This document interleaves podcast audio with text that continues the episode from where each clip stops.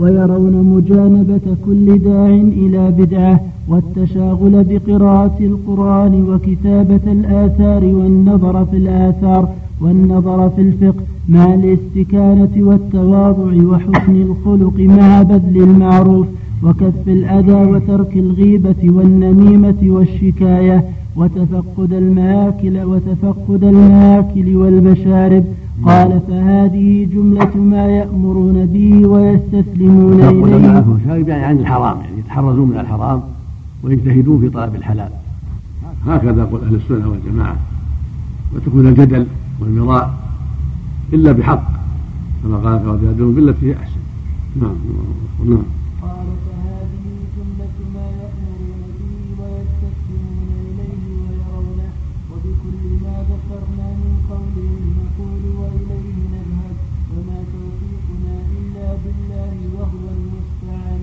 رحمه الله وقد أحسن في ذلك رحمه الله. وقال الأشعري أيضا في اختلاف أهل القبلة في العرش. بارك. نعم.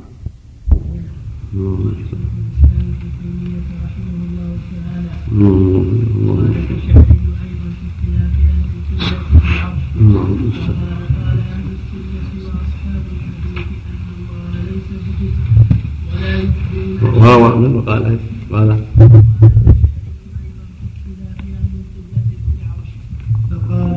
قال أهل السنة وأصحاب الحديث أن الله ليس بجسم ولا يشبه الأشياء وأنه استوى على العرش كما قال الرحمن على العرش استوى. ولا نتقدم بين يدي الله في القول بل نقول استوى بلا كيف وأن له وجها كما قال ويبقى وجه ربك ذو الجلال والإكرام.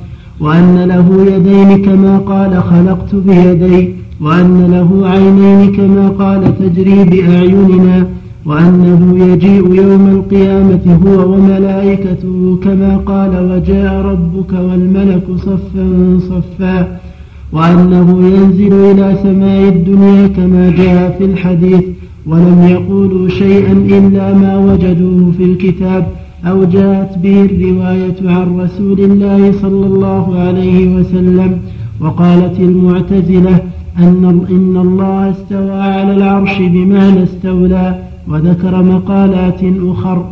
وقال أيضا أبو الحسن الأشعري في كتابه الذي سماه الإبانة في أصول الديانة. نقل عن أهل السنة والحديث ليس بالجسم محل نظر وقد أنكره أبو العباس في كتابه النورية وفي مواضع أخرى. وبين أن أهل السنة والجماعة لا ينفون الجسم ولا يثبتونه لعدم وروده ولا يقال له جسم ولا يثبت بجسم. لأن هذه كلمة محتملة فيها إجمال.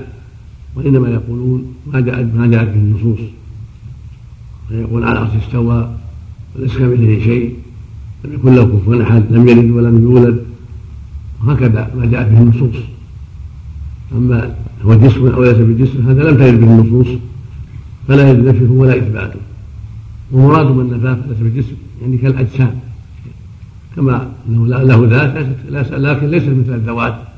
فله ذات حقيقة وسمع حقيقة وبصر حقيقة ولكن ليس مثل ذوات المخلوقين. وأما نفي الجسم وإثبات الجسم فلم ترد من النصوص. ومن أثبته وقال هو جسم لا كالاجسام له سمع وبصر ونحو ذلك. هو حقيقة ومن نفاه وأنه ليس له ذات هذا كفر وضلال. إذا اراد به هذا المعنى فلهذا الصواب أن لا ينفى ولا يثبت لا يقال ليس بجسم ولا هو جسم لعدم وروده في الأدلة. لأن الأدلة لم ترد بهذا بهذا اللفظ ولم ينطق به الصحابة رضي الله عنهم وأرضاهم فينطق بما جاء به النصوص ويكتفى بذلك. ليس كمثله شيء هو السميع البصير لم يكن له كفوا أحد. فلا تضربوا الله في الأمثال وجاء في حديث الصحيح وذلك في ذات الإله في حديث الشعر خبيب وجاء في حديث كذبات إبراهيم كلهن في ذات الله. فله ذات لا تشبه الذوات سبحانه وتعالى. ذات موصوفة بالسمع والبصر والوجه واليد وغير ذلك. على وجه لا يقبل الله سبحانه وتعالى. نعم. صلى الله عليكم وأن له عينين. كما جاءت في النصوص. لأنه أخبر في كتابه العظيم. تجري بأعيننا سن حكم ربك فإنك باعيننا وجاء في السنة ما يبين ذلك. قال إن ربكم ان الدجال أعور. وإن ربكم ليس بأعور. كما جاء في الصحيحين. هذا إثبات للعينين وأنهما عينان سليمتان. ليس كالدجال. نعم. وقال أيضا أبو الحسن الأشعري في كتابه الذي سماه الإبانة في أصول الديانة؟ وقد ذكر أصحابه أنه آخر كتاب صنفه وعليه يعتمدون في الذب عنه عند من يطعن عليه فقال فصل في إبانة قول أهل في إبانة قول أهل الحق والسنة فإن قال قائل قد أنكرتم قول المعتزلة والقدرية والجهمية والحرورية والرافضة والمرجئة فعرفونا قولكم الذي فعرفونا قولكم الذي به تقولون وديانتكم التي بها تدينون. قيل له قولنا الذي نقول به وديانتنا التي ندين بها. التمسك بكلام ربنا وسنة نبينا وما روي عن الصحابة والتابعين وأئمة الحديث. ونحن بذلك معتصمون وبما كان يقول به أبو عبد الله. أحمد بن حنبل نضر الله وجهه ورفع درجته وأجزل مثوبته قائلون ولما خالف ولما خالف قوله مخالفون لأنه الإمام الفاضل والرئيس الكامل الذي أبان الله به الحق ودفع به الضلال وأوضح به المنهاج وقمع به بدع المبتدعين وزيغ الزائغين وشك الشاكين فرحمه فرحمة الله عليه من إمام مقدم وجليل معظم وكبير مفهم وجملة قولنا أنا نقر بالله وملائكته وكتبه ورسله وبما جاءوا به من عند الله وبما رواه الثقات عن رسول الله صلى الله عليه وسلم لا نرد من ذلك شيئا وأن الله واحد لا إله إلا هو فرد صمد لم يتخذ صاحبة ولا ولدا وأن محمدا عبده ورسوله وأرسله بالهدى ودين الحق ليظهره على الدين كله وأن الجنة حق والنار حق وأن الساعة آتية وأن الله يبعث من في القبور وأن الله مستو على عرشه كما قال الرحمن على العرش استوى وأن له وجها كما قال ويبقى وجه ربك ذو الجلال والإكرام وأن له يدين بلا كيف كما قال خلقت بيدي وكما قال بل يداه مبسوطتان ينفق كيف يشاء وأن له عينين بلا كيف كما قال تجري بأعيننا وأن من زعم أن أسماء الله غيره كان ضالا وذكر نحوا مما ذكر في الفرق إلى أن قال ونقول إن الإسلام أوسع من الإيمان وليس كل إسلام إيمانا وندين بأن الله يقلب القلوب بين, بين أصبعين من أصابع الله عز وجل وأنه عز وجل يضع السماوات على إصبع والأرضين على إصبع كما جاءت الرواية الصحيحة عن رسول الله صلى الله عليه وسلم إلى أن قال وأن الإيمان يعني, يعني يوم القيامة يسمع يوم القيامة. والماء والثرى على اصبع والشجره والجبال على اصبع وسائر الخلق على اصبع ثم يهزون فيقول أنا الملك أنا الجبار اين الجبارون اين المتكبرون كما ثبت في الصحيحين حديث مسعود رضي الله عنه. وأن الإيمان قول وعمل يزيد وينقص ونسلم الروايات الصحيحة وهذا هو أهل السنة والجماعة. الإيمان قول وعمل يزيد بالطاعة وينقص بالمعصية قول القلب واللسان وعمل القلب والجوارح. يزداد بالطاعات والذكر وينقص بالمعصية والغفلة.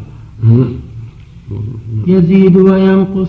ونسلم الروايات الصحيحة عن رسول الله صلى الله عليه وسلم التي رواها وهذا يرد بها على المعتزلة والجهمية والخوارج الذي يقول لا يزيد ولا ينقص.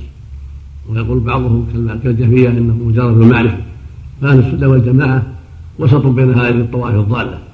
فهم يقولون إن قال الإيمان قول وعمل يزيد بالطاعات وينقص بالمعاصي وأما قول الخوارج لا يزيد ولا ينقص وأن من عصى كفر فهم ضالون في هذا القول. وهكذا معتزلة نسأل الله العافية. نعم. التي رواها الثقات عدلا عن عدل. حتى ينتهي إلى رسول الله صلى الله عليه وسلم. إلى أن قال ونصدق بجميع الروايات التي أثبتها أهل النقل من النزول إلى سماء الدنيا وأن الرب عز وجل يقول هل من سائل هل من مستغفر؟ وسائر ما نقلوه وأثبتوه خلافا لما, خلافا لما قال أهل الزيغ والتضليل. ونعول فيما اختلفنا فيه إلى كتاب ربنا وسنة نبينا وإجماع المسلمين وما كان في معناه ولا نبتدع في دين الله ما لم يأذن لنا به ولا نقول على الله ما لا نعلم ونقول إن الله يجيء يوم القيامة كما قال وجاء ربك والملك صفا صفا وأن الله يقرب من عباده كيف شاء كما قال ونحن أقرب إليه من حبل الوريد. وكما قال ثم دنا فتدلى فكان قاب قوسين أو أدنى. إلى أن قال هذه الصواب فيها أنه جبرائيل الأخيرة آية النجم. الصواب فيها أنه جبرائيل عليه الصلاة والسلام. نعم. إلى أن قال وسنحتج لما ذكرناه من قولنا وما بقي مما, مما لم نذكره بابا بابا. ثم تكلم على أن الله يرى أن الله يرى واستدل على ذلك. ثم تكلم على أن القرآن غير مخلوق واستدل على ذلك. ثم تكلم على من وقف في القرآن وقال لا أقول إنه مخلوق ولا غير مخلوق. ورد ثم, ثم تكلم على أن الله يرى واستدل على ذلك. ثم تكلم يعني يرى في الآخرة يعني في الآخرة القيامة والجنة نعم. ثم تكلم على أن القرآن غير مخلوق واستدل على ذلك ثم تكلم على من وقف في القرآن وقال لا أقول إنه مخلوق ولا غير مخلوق ورد عليه ثم قال باب ذكر الاستواء على العرش فقال إن قال قائل ما تقولون في الاستواء؟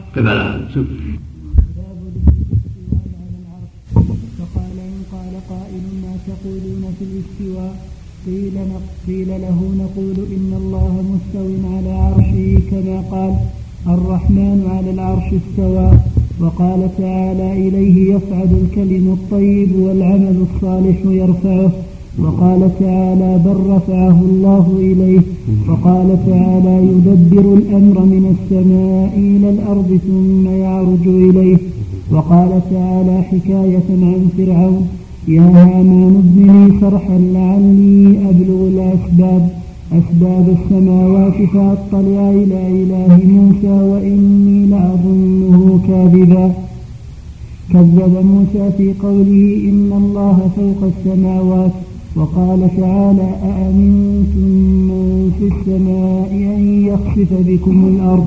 فالسماوات فوقها العرش فلما كان العرش فوق السماوات قال أأمنتم من في السماء لأنه مستو على العرش الذي هو فوق السماوات وكل ما علا فهو سماء فالعرش على السماوات وليس إذا قال أأمنتم من في السماء يعني جميع السماوات وإنما أراد العرش الذي هو أعلى السماوات.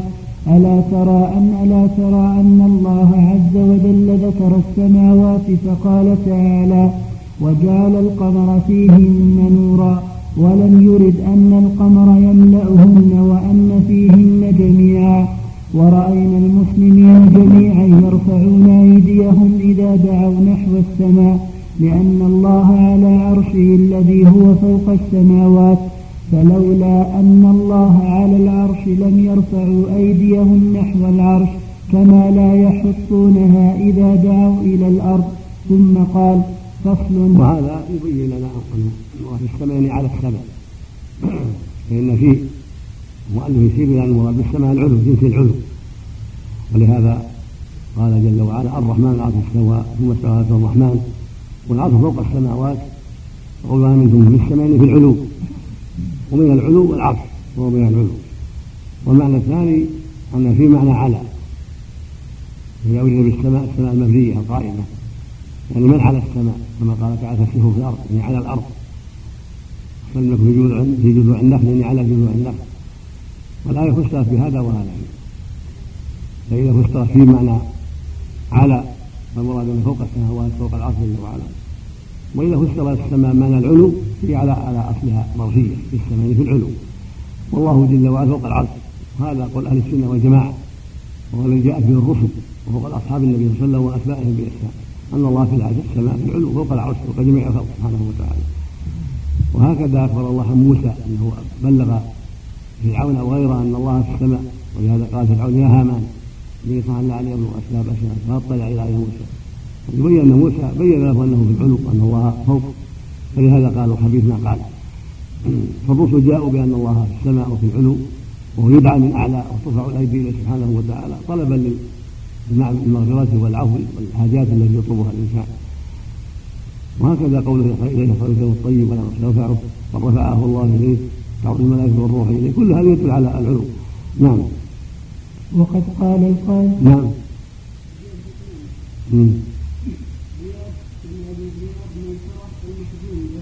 مم.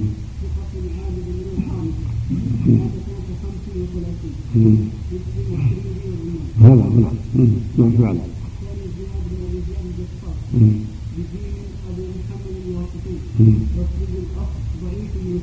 نعم. نعم. الأول الأول نعم فعلا نعم. نعم. هو الأول. نعم. وقد قال القائلون من المعتزلة وقد قال القائلون من المعتزلة والجهمية والحرورية إن معنى قوله الرحمن على العرش استوى أنه استوى وقهر وملك وأن الله عز وجل في كل مكان وجحدوا أن يكون الله على عرشه كما قال أهل الحق وذهبوا في الاستواء إلى القدرة. فلو كان كما ذكروا كان لا فرق بين العرش والأرض السابعة لأن الله قادر على كل شيء والأرض فالله قادر عليها وعلى الحشوش وعلى كل ما في العالم. ولو كان الله مستويا على العرش بمعنى الاستيلاء وهو عز وجل مستوي على الأشياء كلها وكان مستويا على العرش وعلى الأرض. وعلى السماء وعلى الحشوش وعلى الأقدار إنه قادر على الأشياء مستو عليها. وإذا كان قادرا على الأشياء كلها ولم يجز عند أحد من المسلمين أن يقول إن الله مستو على الحشوش والأخلية. لم يجز أن يكون الاستواء على العرش الاستيلاء الذي هو عام في الأشياء كلها. ووجب أن يكون معنى الاستواء يختص العرش دون الأشياء كلها وذكر دلالات وهذا وهذا قول أهل الحق وهذا قول أهل الحق. وهذا قول من قال من قول من قال استولى على العرش أو قهر عليه أو غلب عليه قول باطل لأنه مستوى على كل شيء وهو بيده كل شيء سبحانه وتعالى. وإنما هذا صفة العلو صفة خاصة للعرش هو العلو فوقه والاستواء عليه من الله سبحانه وتعالى. نعم. نعم. عبد الله بن قيس قتل بن قيس عبد الله بن قيس فيه السكوني التراب في مثنات ثم معجمه ابو بحريه بفتح موحده سكون المهمله بتشديد المثنات شمسي مشهور مخضرم ثقة مات سنة سبع وسبعين الأربعة. رحمه الله. وذكر دلالات من القرآن والحديث والإجماع والعقل ثم قال باب الكلام في الوجه والعينين والبصر واليدين. وذكر الآيات في ذلك. الله الجميع وثبت الجميع على الهدى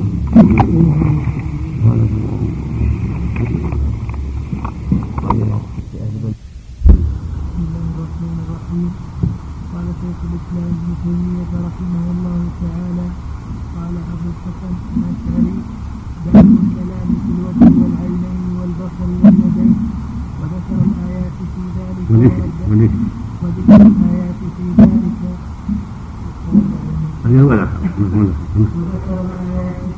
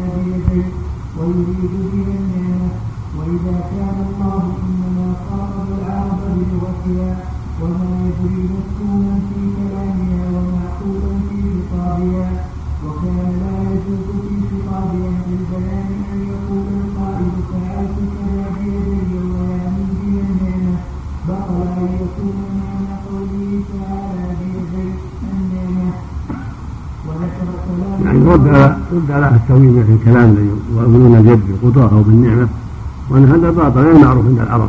إذا قالت العرب فعلت بيدي هذا تريد أنها باشرت الأشياء. وهو خاطب العرب بما يعقلون ويفهمون.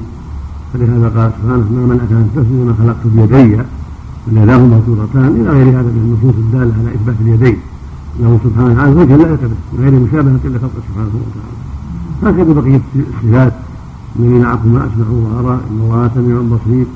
إن الله يرضى عن العبد إلى غير هذا. كلها على الطريقة المعروفه وهي إمرارها. كما جاءت مع الإيمان بأن الحق وأنه اوصاف لله تليق به سبحانه لا يشابه بها خلقه جل وعلا. نعم. وذكر كلاما طويلا في تقرير هذا ونحوه وقال القاضي أبو بكر محمد بن طويل الباقلاني المتكلم وهو أفضل المتكلمين المنتسبين إلى الاشهر ليس فيه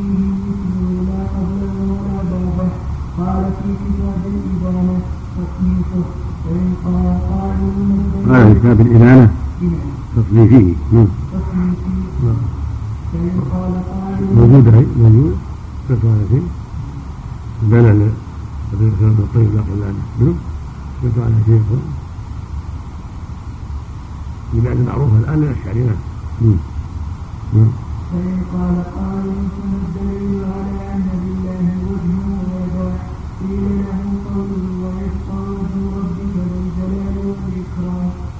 أبو بكر الباقلاني مات سنة 403 في أول القرن الخامس نعم تعالى ما منعك أن تسجد لما خلقت بيدي وجها ويدا وإن قال أن يكون لا وجها ويدا إلا قلنا لا يجب هذا كما لا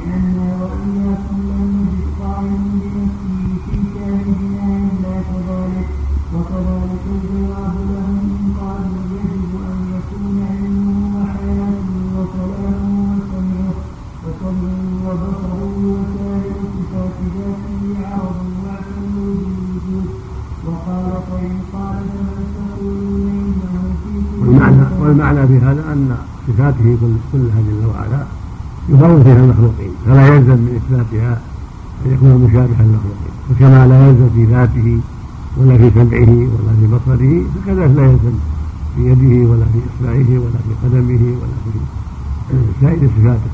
كلها باب بابها واحد. قل هو الله أحد الله الصمد لم يلد ولم يولد ولم يكن له كفوا ليس كمثله شيء وهو السميع البصير. هل تعلم له سميا؟ فلا تضرب إلا عن الباب واحد. يجب أن تمر كلها كما جاءت. مع الايمان القاطع الجازم بأنها تليق به سبحانه وأنه لا يشابه بها خلقه هكذا قال أهل السنة والجماعة في جميع أسمائه وصفاته سبحانه وتعالى. نعم. قيل له معاذ الله؟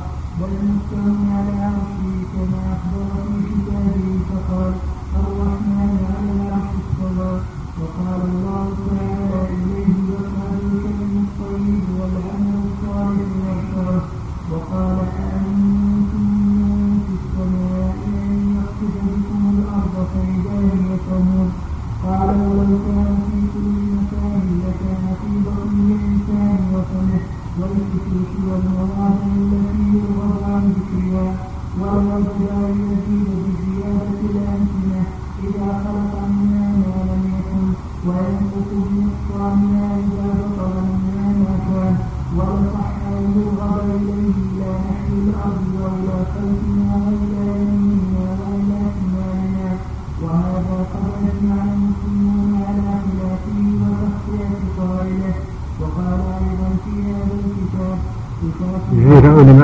العلماء أنه يدعى من أعلى سبحانه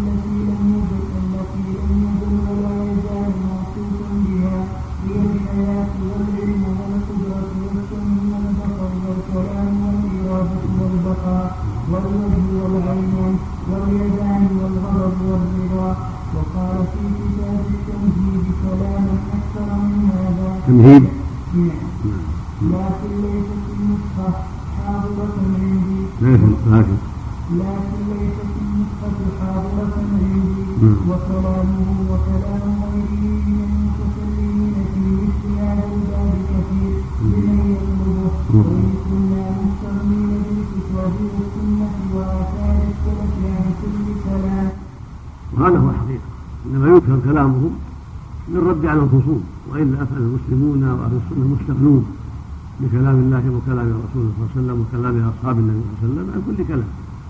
ولكن ينكر كلام أهل العلم من باب الاستشهاد والرد على الخصوم وأن هؤلاء العلماء تلقوا الكتاب والسنة كما جاءت وآمنوا بها وصدقوا بها وانقادوا لها هم حجة على من سواهم. نعم. وملاك الأمر ان يهب الله للعبد حكمة وإيمانا بحيث يكون له عقل ودين حتى يفهم ويدين ثم نور الكتاب والسنة يغنيه عن كل شيء.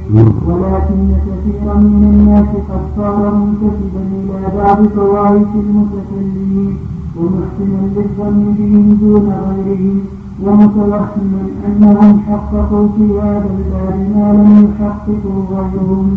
فلو أتي بكل آية ما تبعها حتى يؤتى بشيء من كلامهم ثم إنا هذا مخالفون يعني هذا واقع. كثير من الناس بتقليده وعناه. لو أتى بكل شيء لا يؤمن. حتى إذا جاء بشيء من كلام أئمته أذعن لذلك وقبل فلهذا ينقل كلام أهل العلم للمقلدين حتى ينقادوا للحق الذي دلت عليه الآيات والأحاديث النبوية. لا لأن الحجة في كلام المنقول عنهم من العلماء المتأخرين لا. ولكن لأجل إقناع غيرهم ودعوة غيره من الحق الذي دل عليه كتاب الله وسنة الرسول عليه الصلاة والسلام. نعم. ثم هم هذا مخالفون لأسلافهم غير متبعين لهم فلو أنهم أخذوا بالهدى الذي يجدونه في كلام أسلافهم لرجي لهم مع الصدق في طلب الحق أن يزدادوا هدى. ومن كان لا يقبل الحق إلا من طائفة معينة ثم لا يتمسك بما جاءت به من الحق ففيه شبه من اليهود. شبه من اليهود الذين قال الله فيهم وإذا قيل لهم آمنوا بما أنزل الله قالوا نؤمن بما أنزل علينا ويكفرون بما وراءه. وهو الحق مصدقا لما معهم. قل فلم تقتلون أنبياء الله من قبل إن كنتم مؤمنين؟ فإن اليهود قالوا لا نؤمن إلا بما أنزل علينا. قال الله تعالى لهم فلم تقتلون أنبياء الله من قبل مؤمنين وقد حرم عليكم ذلك حين أنزل عليه خالفتم نور الله المستعان. إن كنتم مؤمنين بما أنزل عليكم يقول سبحانه وتعالى لا بما جاءتكم به أنبياؤكم تتبعون ولا بما جاءتكم به سائر الأنبياء تتبعون ولكن إنما تتبعون أهواءكم فهذا حال من لم يقبل الحق. لا من طائفته ولا من غيرها ومع كونه يتعصب لطائفته بلا برهان من الله ولا بيان. وكذلك قال أبو المعالي الجويني في كتابه الرسالة النظامية. اختلف مسالك العلماء في هذه أبو وفق الله الجميع وثبت الجميع على رحمه الله. نعم. قال شيخ الاسلام ابن تيميه رحمه الله تعالى وكذلك قال أبو المعالي الجويني في كتابه الرسالة النظاميه اختلف مسالك العلماء في هذه الظواهر فرأى بعضهم تاويلها والتزم ذلك في آيات الله وما يصح من السنن وذهب أئمة السلف إلى الانتفاع عن التأويل وإجراء الظواهر على مواردها وتقويم معانيها إلى الرب. فقال والذي نقتضيه رأيا ونزيل الله به عقيدة. اتباع سلف الأمة والدليل التبعي القاطع في ذلك إجماع الأمة وهو حجة متبعة وهو مستند معظم الشريعة وقد درج صحب رسول الله صلى الله عليه وسلم على ترك التعرض بمعانيها ودرس ما فيها وهم صفوة الإسلام والمستقبل. رحمه الله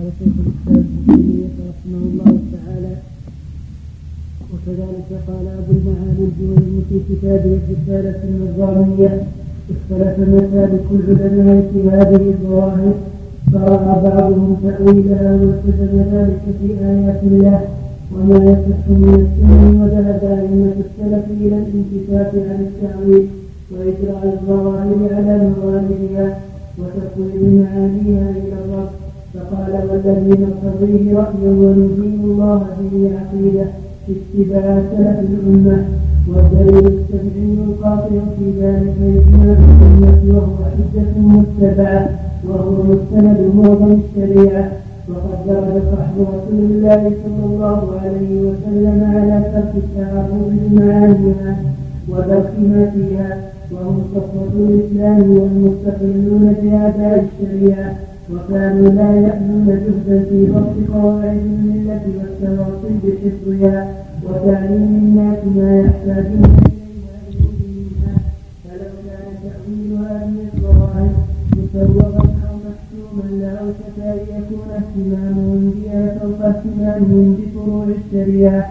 وإذا انصرم عصرهم وعصر التابعين على الإضراب عن التأويل. كان ذلك هو الوجه المتبع فحق على ذي الدين أن يعتقد تنزيه الباري عن صفات المحدثين ولا يخوض في تأويل المشكلات ويصل معناها إلى الرب تعالى فيجري آية فيجري آية الاستواء والمجيء وقوله فيجري آية الاستواء والمجيء. مفرد مضاف المفرد مضاف المعرفة يعم الجميع نعم. وقوله لما خلقت بيدي ويبقى وجه ربك ذو الجلال والإكرام. وقوله تجري بأعيننا وما صح من أخبار الرسول كخبر النزول وغيره على ما ذكرنا. قلت وليعلم السائل. وهذا هو الحق. قال أبو المعالي هو الحق. وأن أهل السنة والجماعة وهم السلف الصالح مبنوا على هذا وتركوا التأويل الذي خاضه الجهمية وأشباههم نفوض المعنى يعني الكيفية. والمعنى يمنى الكيفية أما المعاني معلومة وليس مراده رأي مفوضة الذين هم شر من الجهمية. الذي يقول إن الله خاطب الناس لا يفهمون ولا يعقلون. لا مراد بأن تفوض المعنى من جهة الكيف. كما قال مالك وغيره وابن المبارك وسفيان وغيرهم أن يروها بلا كيف. يعني آمنوا بها يروها من دون أن تكيفوا الصفات.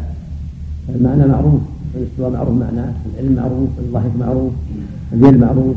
القدم معروف السمع معروف لكن ليس مثل صفات المخلوقين. نعم. نعم. يمكن بعض الكتب الأخرى. كلامه هنا طيب. كلام الرساله هذه النظاميه طيب. قلت وليعلم السائل ان وإذا اخطا هو غيره في بعض المسائل يؤخذ الصواب ويترك الخطأ. نعم. نعم. قلت وليعلم السائل ان الغرض من هذا الجواب. ذكر هذا كلام الله. نعم. وليعلم السائل أن الغرض من هذا الجواب ذكر ألفاظ بعض الأئمة الذين نقلوا مذهب السلف في هذا الباب وليس كل من ذكرنا شيئا من قوله من المتكلمين وغيرهم. يقول بجميع ما نقوله في هذا الباب وغيره ولكن الحق يقبل من كل من تكلم به. وكان معاذ بن جبل. والمعنى في هذا يعني لا تظن ان ما ذكرناه أن من ذكرنا عنهم أنهم وافقوا في كل شيء لكن ننقل عنهم ما أصابوا فيه الحق وما وافقوا فيه الحق. وإذا وجد لفلان أو فلان أو فلان أغلاط فيترد عليه كما ترد على غيره. ينبغي لمن نقل عن الشخص كلاما حقا أن يعرف أنه إذا قال قولا آخر باطلا فالباطل هو. يقبل الحق من جاء به. ويرد الباطل على من جاء. هذا هو المقصود. سواء كان كبيرا أو متوسطا أو صغيرا. ما قاله من الحق قبل على العين والرأس لأنه حق. وما قاله من الباطل رد لأنه باطل وإن كان من قاله عظيما. الحق فوق ذلك وأعظم. وكان معاذ بن جبل يقول في كلامه المشهور في كلامه المشهور عنه الذي رواه أبو داود في سننه اقبل الحق من كل من جاء به وإن كان كافرا أو قال فاجرا واحذروا زيغة الحكيم. قالوا كيف نعلم أن الكافر يقول كلمة الحق؟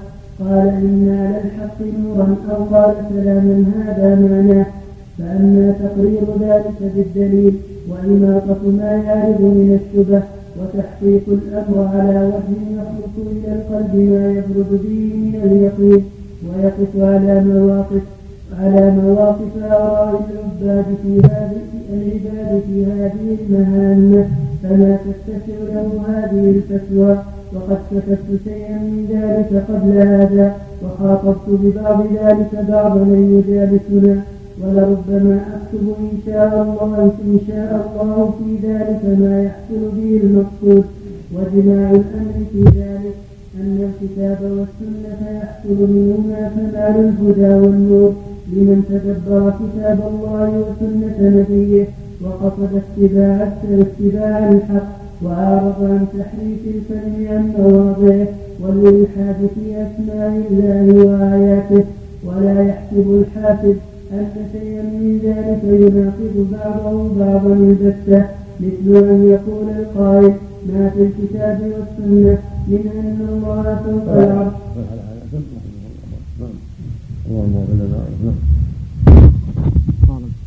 مرة مدخن مرة. مسجد مرة. حلق لحية مرة.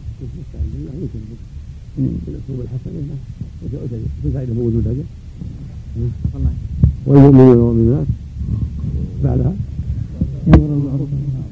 لكن منه الله من قال ان إن الله سبحانه وتعالى معنى بمعية ذات يليق بجلاله غلط غلط. مثل ما قال. هل قال فوق العرش؟ هل قال احد من السلف ما اعلم ما اعلم من قالها انكر ذلك لأنه يقتضي الاختلاط والامتزاج يعني يجعل العلم يعني يقارن فمعية العلم لا معية الذات لا تكون فوق العرش ما يكون لا لا. علمه واطلاعه على عباده ورؤيته لهم اما كونه معهم فلا هو فوق العرش يعني ما هو بسم الله الرحمن الرحيم. قال شيخ الإسلام ابن تيمية رحمه الله تعالى ولا يحسب الحاسب أن شيئا من ذلك يناقض بعضه بعضا البتة مثل أن يقول القائل ما في الكتاب والسنة من أن الله فوق العرش يخالفه الظاهر من قوله وهو معكم أينما كنتم؟ وقوله صلى الله عليه وسلم إذا قام أحدكم إلى الصلاة فإن الله قبل وجهه ونحو, ونحو ذلك فإن هذا غلط وذلك أن الله معنا حقيقة وهو فوق العرش حقيقة كما جمع الله بينهما في قوله سبحانه وتعالى هو الذي خلق السماوات والأرض في ستة أيام ثم استوى على العرش يعلم ما يلج في الأرض وما يخرج منها وما ينزل من السماء وما يعرج فيها وهو معكم أينما كنتم والله بما تعملون بصير. فأخبر أنه فوق العرش يعلم كل شيء وهو معنا أينما كنا كما قال النبي صلى الله عليه وسلم في حديث الأوعال والله فوق العرش وهو يعلم ما أنتم عليه. وذلك أن كلمة مع في اللغة إذا أطلقت فليس ظاهرها في اللغة إلا المقارنة المطلقة من غير من غير وجوب مماسة أو محاذاة عن يمين أو شمال. فإذا قيدت بمعنى من المعاني دلت على المقارنة في ذلك المعنى فإنه يقال فإذا فإذا فإذا قيدت بمعنى من المعاني دلت على المقارنة في ذلك المعنى فإنه يقال ما زلنا نسير والقمر معنا أو النجم معنا. ويقال هذا المتاع ويقال هذا المتاع معي لمجامعته لك وإن كان فوق يعني رأسك. شيء بحسبه. القمر معنا يعني نور القمر النجم معنا نراه نهتدي به وهكذا والله معكم يعني بعلمه واطلاعه علينا ورؤيته لنا وأنه لا يخفى عليه منا خافيه سبحانه وتعالى وهو فوق العرش هكذا فلانه مع فلان. وإن كانت في بلاد وهو في بلاد يعني زوجة له في اصله وإن كانت في الشرق وهو في الغرب. فقال فلانه مع فلان. يعني زوجة له وإن كانت هي عنده وإن كانت بعيدة عنه. كان يقال فلان مع فلان فلان مع معاوية وإن كان في أقصى الدنيا وفلان مع علي وإن كان في أقصى الدنيا. يعني معه في النصرة والحماية والتأييد. هكذا ما أشبه ذلك. فلان مع الخوارج وإن كان بعيدا عنهم. فلان مع الرافضة وإن كان بعيدا عنهم. يعني في عقيدته وفي حمايته لهم وفي نصره لهم إلى غير ذلك. كل معنى له كل معنى كل مقام له ما يناسبه نعم. نعم. يعني معنى بعلمه واطلاعه علينا. كل كل مقارنة لها معناها اللائق بها منهم من حسن حسن جماعة بعضهم عله لأن بعض الرواة لم يسمع من الأحناف الراوي عن الأحناف لم يسمع منه. لكن معناه صحيح. من حيث العلو والفوقية وأن الله مع عباده بعلمه سبحانه وتعالى. نعم. فالله مع خلقه حقيقة وهو فوق عرشه حقيقة. ثم هذه المعية تختلف أحكامها بحسب الموارد فلما قال يعلم ما يلج في الأرض وما يخرج منها إلى قوله وهو معكم أينما كنتم دل, دل ظاهر الخطاب على أن حكم هذه المعية ومقتضاها أنه مطلع عليكم شهيد عليكم مهيمن عالم بكم وهذا معنى قول السلف إنه معهم بعلمه وهذا ظاهر الخطاب وحقيقته وكذلك في قوله ما يكون من نجوى ثلاثة إلا هو رابعهم إلى قوله وهو معهم أينما كانوا الآية. ولما قال النبي صلى الله عليه وسلم لصاحبه في الغار لا تحزن إن الله معنا كان هذا أيضا حقا على ظاهره. ودلت الحال على أن حكم هذه المعية هنا معية الاطلاع والنصر والتأييد. وكذلك قوله تعالى إن الله مع الذين اتقوا والذين هم محسنون. وكذلك قوله لموسى وهارون وكذلك قوله لموسى وهارون إنني معكم وأسمع وأرى. هنا هنا المعية على ظاهرها وحكمها في هذه المواطن النصر والتأييد وقد يدخل على صبي من يخيفه فيبكي فيشرف عليه أبوه. وقد, وقد, وقد يدخل على صبي من يخيفه فيبكي فيشرف عليه أبوه من فوق السقف. وقد يدخل على صبي وقد يدخل. وقد يدخل على صبي من يخيفه فيبكي فيشرف عليه أبوه من فوق السقف. فيقول لا تخف أنا معك أو أنا هنا أو أنا حاضر ونحو ذلك. ينبهه على المعية الموجب الموجبة بحكم الحال دفع المكروه. ففرق بين المعية ففرق, ففرق بين المعي بين معنى المعية وبين مقتضاها. وربما صار مقتضاها من معناها فيختلف باختلاف المواضع. فلفظ المعية قد استعمل في الكتاب والسنة في مواضع يقتضي في كل موضع أمورا لا يقتضيها في الموضع الآخر. فإما أن تختلف دلالتها بحسب المواضع أو تدل على قدر مشترك بين جميع مواردها وإن امتاز كل موضع بخاصية فعلى التقديرين ليس مقتضاها أن تكون ذات الرب عز وجل مختلطة بالخلق. حتى يقال قد صرفت عن ظاهرها ونظيرها من بعض الوجوه الربوبية والعبودية فإنهما وإن اشتركتا في أصل الربوبية والعبودية فلما قال رب العالمين رب موسى وهارون كانت ربوبية موسى وهارون لها اختصاص زائد على الربوبية العامة للخلق. فإن من أعطاه الله من الكمال أكثر مما أعطى غيره فقد ربه ورباه ربوبية وتربية أكمل من غيره. وكذلك قوله عينا يشرب بها عباد الله يفجرونها تفجيرا. وسبحان الذي أسرى بعبده ليلا فإن العبد تارة يعنى به المعبد فيعم المعبد. المعبد فيعم الخلق. كما في قوله إن, إن كل من في السماوات والأرض إلا آتي الرحمن عبدا وتارة يعنى به العابد فيخص ثم يختلفون. فمن كان أعبد علما وحالا كانت عبوديته أكمل فكانت الإضافة في حقه أكمل. خاصة وعبودية خاصة وربوبية عامة وربوبية خاصة. هذا واضح بمعنى فإن الربوبية مع التربية لخواص العباد من الرسل والأولياء وعباد الله الصالحين غير الربوبية العامة لبقية البشر. وهكذا العبودية الخاصة للأنبياء والرسل وعباد الله الصالحين غير العبودية العامة. وهذا كله واضح في كتابه والسنة وفي كلام الناس الله.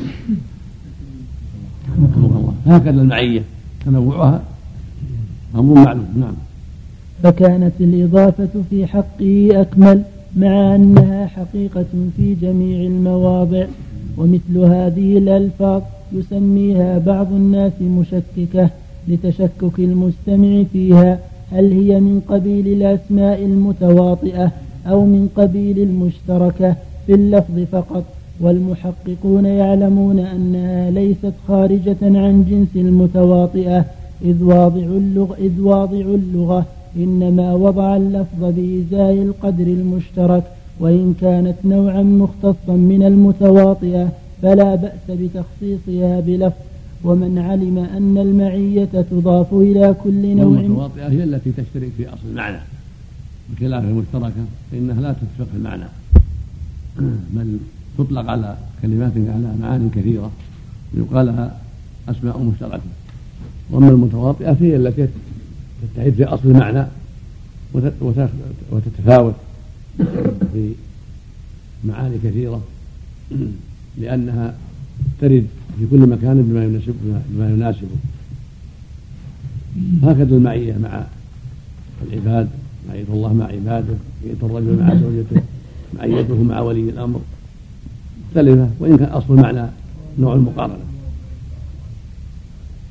بخلاف الكلمات التي تطلق على أشياء كثيرة مشتركة لا تتحد في معنى. نعم.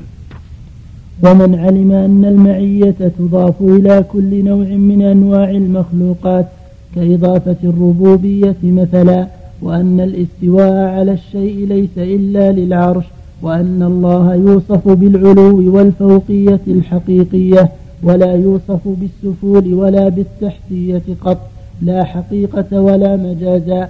علم أن القرآن على ما هو عليه من غير تحريف ثم من توهم أن كون الله في السماء بمعنى أن السماء تحيط به وتحويه فهو كاذب إن نقله عن غيره وضال إن, وضال إن اعتقده في ربه وما سمعنا أحدا يفهم هذا من اللفظ ولا رأينا أحدا نقله عن واحد. ولو سئل سائر المسلمين هل تفهمون من قول الله ورسوله إن الله في السماء أن السماء تحويه لبادر كل أحد منهم إلى أن يقول هذا شيء لعله لم يخطر ببالنا. وإذا كان الأمر كذلك فمن المتكلف فمن المتكلف أن يج فإذا كان الأمر كذلك فإن وإذا وإذا كان الأمر كذلك هكذا فمن التكلف نعم شيخ. واحدة منهم كذلك أو هكذا مو بثنتين.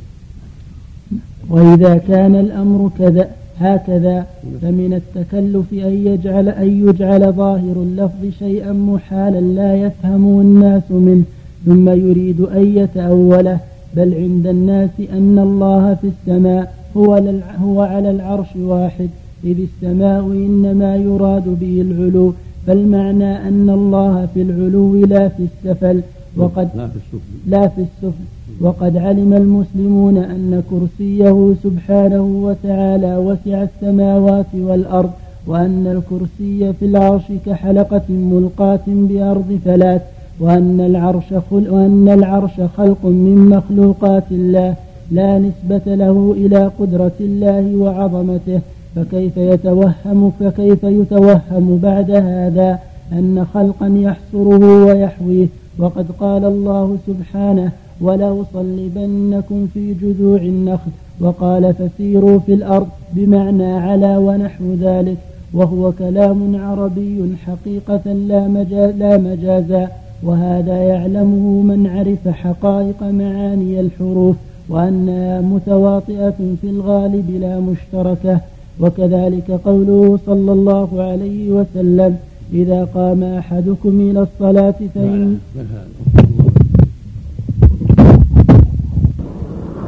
شيخ سؤال يا عمر قوله في السماء يعني على السماء وفوق السماء؟ له معنى يعني. إيه؟ السماء إذا أريد موجودة فهو إيه؟ على السماء. على السماء نعم. يسيح في الأرض يعني على الأرض. نعم. وإذا جنس العلو فالمراد أنه في العلو. وهو العرش في العلو. سبحانه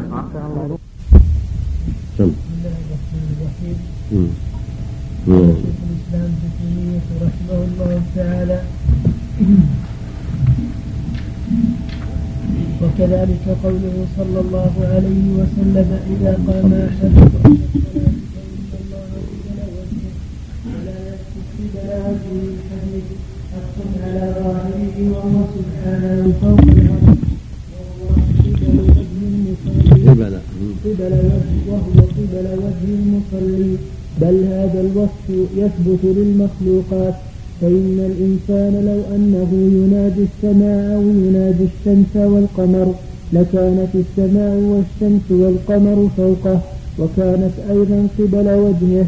وقد ضرب النبي صلى الله عليه وسلم المثل بذلك ولله المثل الأعلى. ولكن المقصود بالتمثيل بيان جواز هذا وإمكانه. لا تشبيه الخالق بالمخلوق.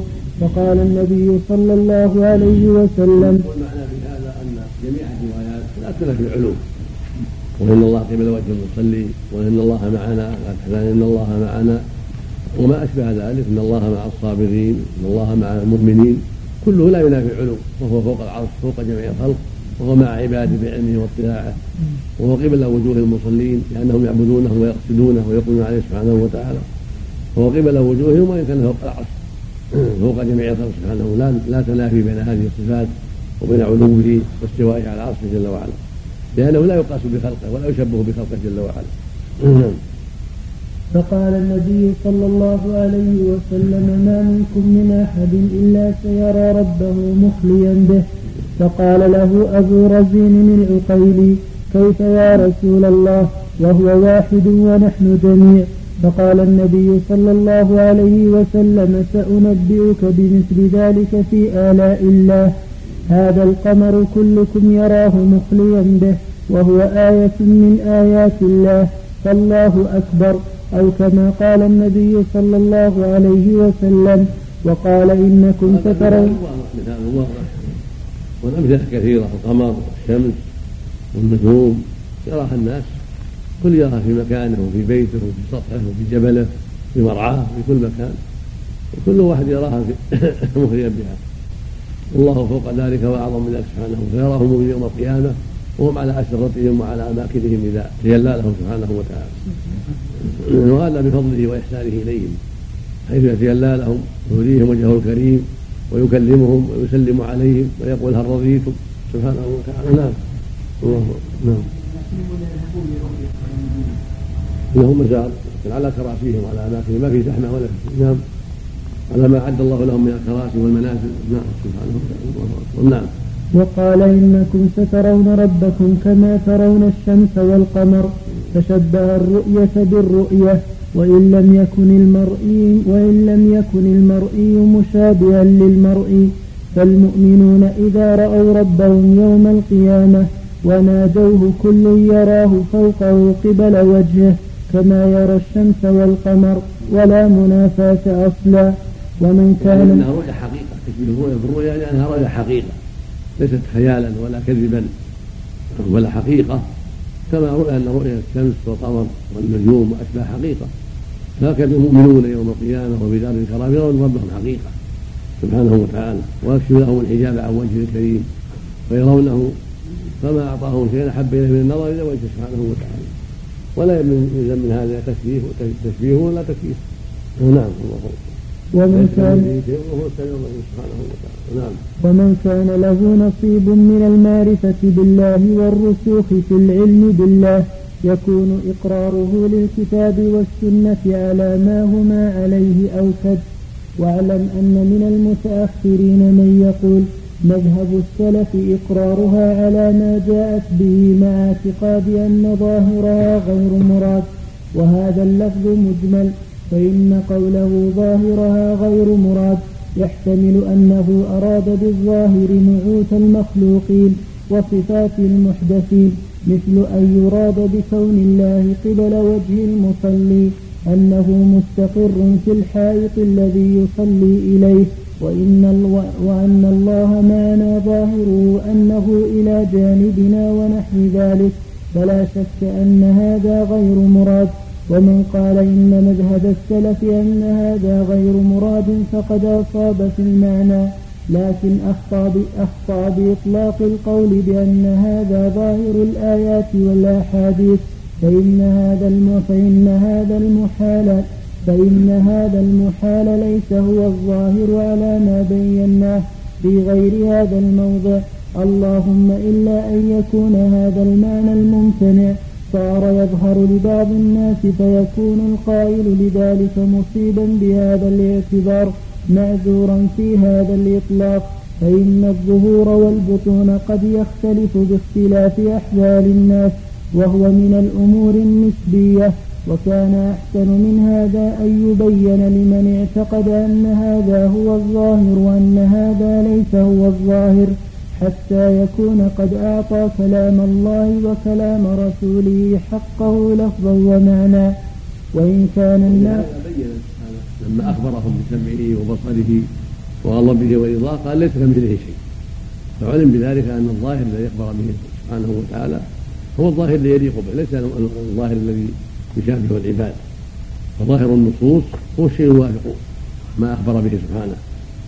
وهو أنه ليس كمثله شيء وهو السميع البصير ولم يكن له كفوا أحد.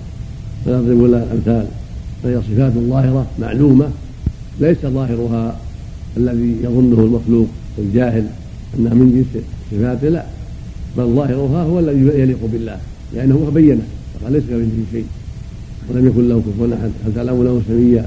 ولا يضرب الله الأمثال؟ فإذا قال إنه سميع بصير فليس الظاهر من جسمات المخلوقين بل الظاهر الذي يليق بالله سبحانه وتعالى ويناسبه سبحانه كما أخبر عز وجل. نعم. وإن كان الناقل عن السلف أراد بقوله الظاهر غير مراد عندهم أن المعاني التي تظهر من هذه الآيات والأحاديث مما يليق بجلال الله وعظمته ولا يختص بصفة المخلوقين بل هي بل هي واجبة لله أو جائزة عليه جوازا ذهنيا أو جوازا خارجا غير مراد فهذا قد أخطأ فيما نقله عن السلف أو تعمد الكذب فما يمكن أحد قط أن ينقل فما يمكن أحد قط فما يمكن أحدا قط أن ينقل عن واحد هذا الفاعل أن ينقل. نعم. أو ينقل عن واحد من السلف ما يدل لا نصا ولا ظاهرا أنهم كانوا يعتقدون أن الله ليس فوق العرش ولا أن الله ليس له سمع ولا بصر ولا يد حقيقة. وقد رأيت هذا المعنى ينتحله بعض من يحكي عن السلف ويقول إن طريقة أهل التأويل هي في الحقيقة طريقة السلف. بمعنى أن الفريقين اتفقوا على أن هذه الآيات والأحاديث لم تدل على أن صفات الله سبحانه وتعالى ولكن السلف أنفسوا لم تدل لم تدل على صفات الله سبحانه وتعالى ولكن السلف أمسكوا عن تأويلها والمتأخرون رأوا المصلحة في تأويلها لمسيس الحاجة إلى ذلك. ويقولون الفرق بين الطريقتين أن هؤلاء قد يعين قد يعينون قد يعينون المراد بالتأويل وأولئك لا لا يعينون لجواز أن يراد غيره. وهذا القول على على الإطلاق كذب صريح على السلف. أما في كثير من الصفات فقطعا مثل أن الله تعالى فوق العرش فإن من تأمل كلام السلف المنقول عنهم الذي لم يحك هنا عشره علم بالاضطرار أن القوم كانوا مصرحين بأن الله فوق العرش حقيقة وأنهم ما اعتقدوا خلاف هذا قط وكثير منهم قد صرح في كثير من الصفات بمثل ذلك والله يعلم إني أني بعد البحث أني بعد البحث التام ومطالعة ما أمكن من كلام السلف ما رأيت كلام أحد منهم يدل لا نصا ولا ظاهرا ولا بالقرائن على نفي الصفات الخبرية في نفس الأمر. على نفي الصفات الخبرية في نفس الأمر. بل الذي رأيته أن كثيرا من كلامهم يدل إما نصا وإما ظاهرا. على تقرير جنس هذه الصفات ولا أنقل عن واحد منهم إثبات كل صفة بل الذي رأيته أنهم يثبتون جنسها في الجملة وما رأيت أحدا منهم نفاها وإنما ينفون التشبيه وينكرون على المشبهة الذين يشبهون الله بخلقه مع إنكارهم على من ينفي الصفات أيضا. كقول نعيم بن حماد الخزاعي شيخ البخاري من شبه الله بخلقه فقد كفر ومن جحد ما وصف الله به نفسه فقد كفر وليس ما وصف الله به نفسه ولا رسوله تشبيها. وكانوا إذا رأوا الرجل قد أغرق في نفي التشبيه من غير إثبات الصفات قالوا هذا جهمي معطل وهذا سفيه